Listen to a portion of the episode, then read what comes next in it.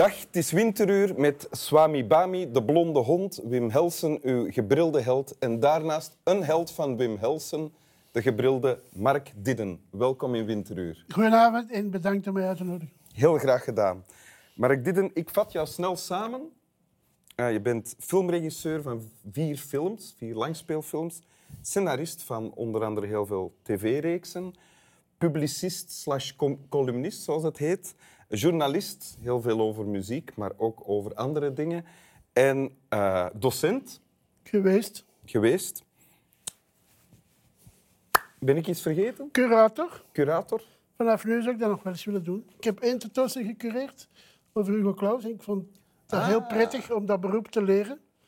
Maar ik ga zwijgen nu, want anders ga ik veel te veel spreken. Ja, en we gaan naar de tekst. Je hebt een tekst bij. Ik heb een tekst bij. U vroeg mij een tekst en ik ben meteen aan twee dingen gaan denken. Iets heel lang, omdat dat ongebruikelijk is op tv. Mhm. Ik dacht een verschrikkelijk lange poëzie-reeks. Uh, een suite, zeven, acht, negen gedichten. Ofwel een hele lange tekst van onze gezamenlijke vriend Bob Dylan. Omdat hij... Sommigen vinden dat hij ten onrechte de Nobelprijs heeft gewonnen. Ik dacht, laat me hem eens bewijzen dat hij een heel goede schrijver is. Goed idee.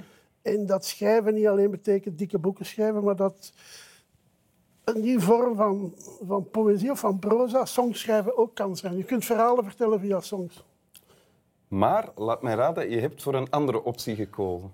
Wel, ik dacht, het is toch laat op de avond en je moet de mensen ook niet uit hun bed houden.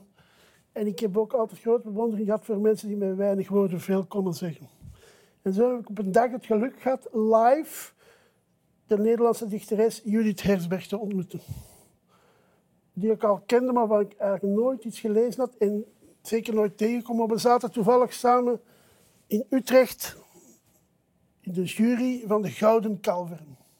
Dit is de lange versie, hè? Van mijn antwoord. Ja, ja. Weet je wat, wat grappig is? Het, het, normaal begint Winteruur met het voorlezen van de tekst. Dat duurt maximum een minuut voor we daaraan toe komen. Maar nu zijn we de spanning heel hard aan het trekken, wat dan ook wel een Wel, omdat dat toch ermee te maken heeft. Want ik zou, ervaring is voor de Ik zou deze bundel nooit gekocht hebben als ik Judith niet ontmoet had. Ik zat met haar in de jury. En zoals je weet, Nederlandse film, dat bestaat eigenlijk niet. Hè? Dat is een contradictio in termis. Dus wij moesten hele week naar Nederlandse films gaan zien. Maar die waren allemaal verschrikkelijk. Mhm. Dus het leukste was samen iets eten of in de bar van het hotel praten met bijvoorbeeld Judith Heersberg. En toen, tijdens een van de pauzes, ben ik naar een boekhandel gegaan en heb ik een dichtbundel van haar gekocht. En dat was Beemt Gas. Haar tweede bundel uit 1968. En ze was toen eigenlijk nog maar twee jaar aan het dichten. Oké. Maar ze lag al wel in, in de eerste de beste boekhandel. Ja, omdat Nederland heeft altijd in de goede boekhandel een goede poëzie-sectie. En zij was ook op dat moment ook scenariste. Want ze had een scenario geschreven voor de film uh, van Frans Wijs over een Joods meisje dat gedeporteerd werd. En zij was de scenariste en ze zat daarmee in de filmwereld. Dus wij konden het goed met elkaar vinden. En toen ik die bundel op mijn kamer aan het lezen was en die woorden las, die ik binnen enkele seconden ga lezen.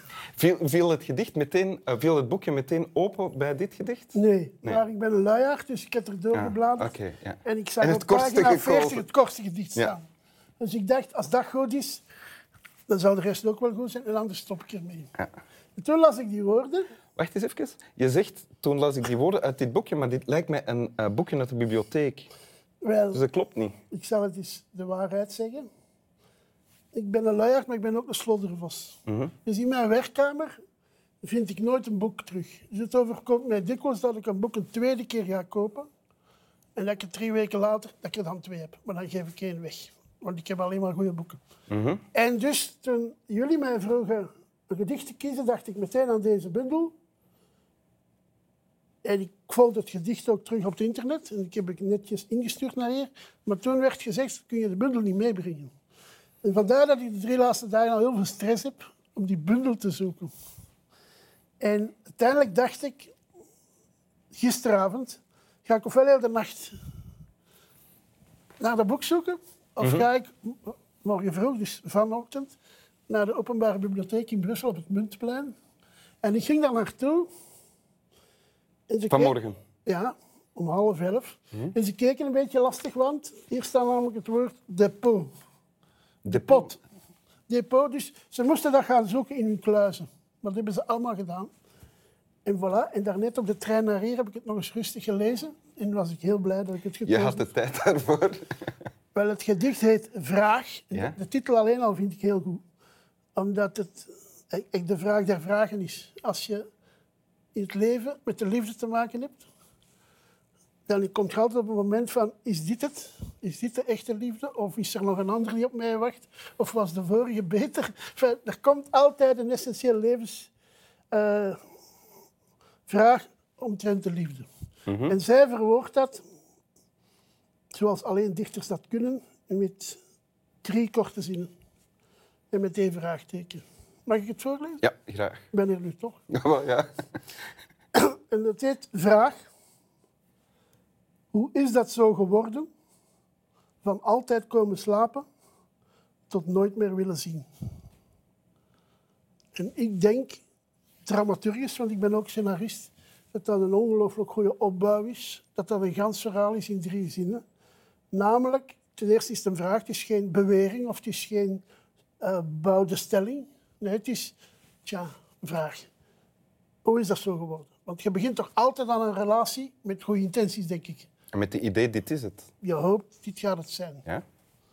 Dat is jou ook overkomen een Dat paar is mij keer. een dat- paar keer overkomen, maar niet te veel. Ik ben, zoals je ziet, niet echt James Bond. En ook niet een of andere Maar je hebt an- slaapkamertijger. andere troeven, hè?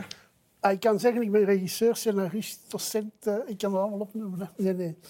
Eh, ik wil serieus aan, bij het werk van Judith brengen. Vraag blijven. Hoe is dat zo geworden? Van altijd komen slapen tot nooit meer willen zien. Dat is echt een fascinerende analyse van wat liefde eigenlijk is en wat verhoudingen zijn. Want eerst ziet je die persoon, man of vrouw, op een feestje in een hoek staan. Of die komt voorbij terwijl je op de bus zit. En je denkt, in mijn geval, dan, dat is ze. Dus met die wil ik zijn. Daar wil ik alles voor weggooien. En dan begint je daaraan. En je wilt eigenlijk altijd komen slapen. Je wilt altijd samen zijn. Alle minuten dat je niet samen bent, zijn vervelend of zijn verloren tijd. Terwijl dat je werk bezig bent, denk je nog anderhalf uur en ik zie mijn meisje weer.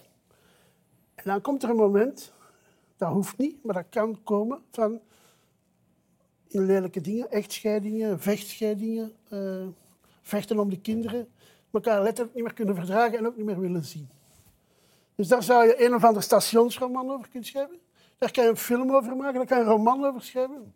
Maar zij doet dat in 1, 2, 3, 4, 5, 6, 7, 8, 9, 10, 11, 12, 13, 14 woorden en een vraagteken. En dat vind ik fascinerend. Dat is wat volgens mij dichter zijn is. Dat je iets kan grijpen wat iedereen wel voelt, want iedereen heeft al liefdesverdriet gehad, iedereen is al verliefd geweest. Iedereen hoopt, of velen onder ons hebben ook kans en hebben een goede verhouding. Het hoeft niet altijd slecht te gaan. Maar rondom jou zie je dan weer een koppel dat uiteengaat of dat elkaar bijna het hoofd inslaat. En dat is iets dat zij vat in die woorden. En dat dit, telkens ik dat gedicht vergeten ben, kom ik dat weer eens ergens tegen. Mhm.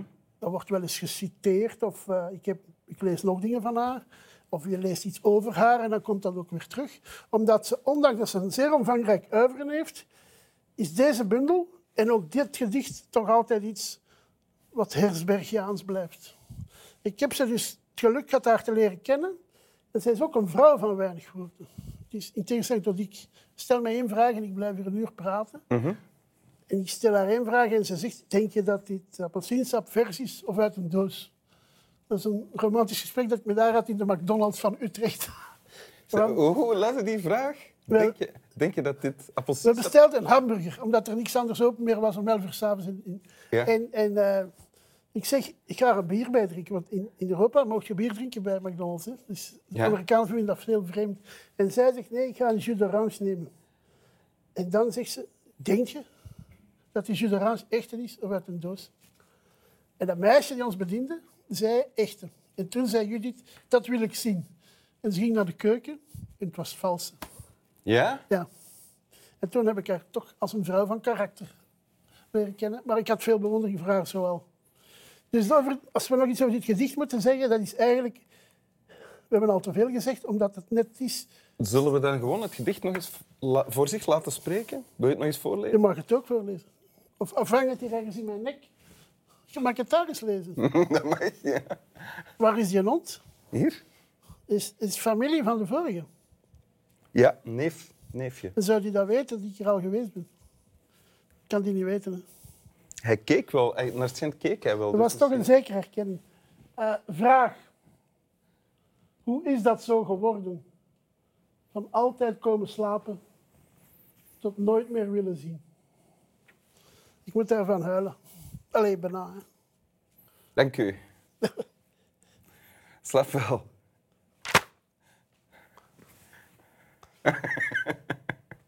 Zit hier goed, ja.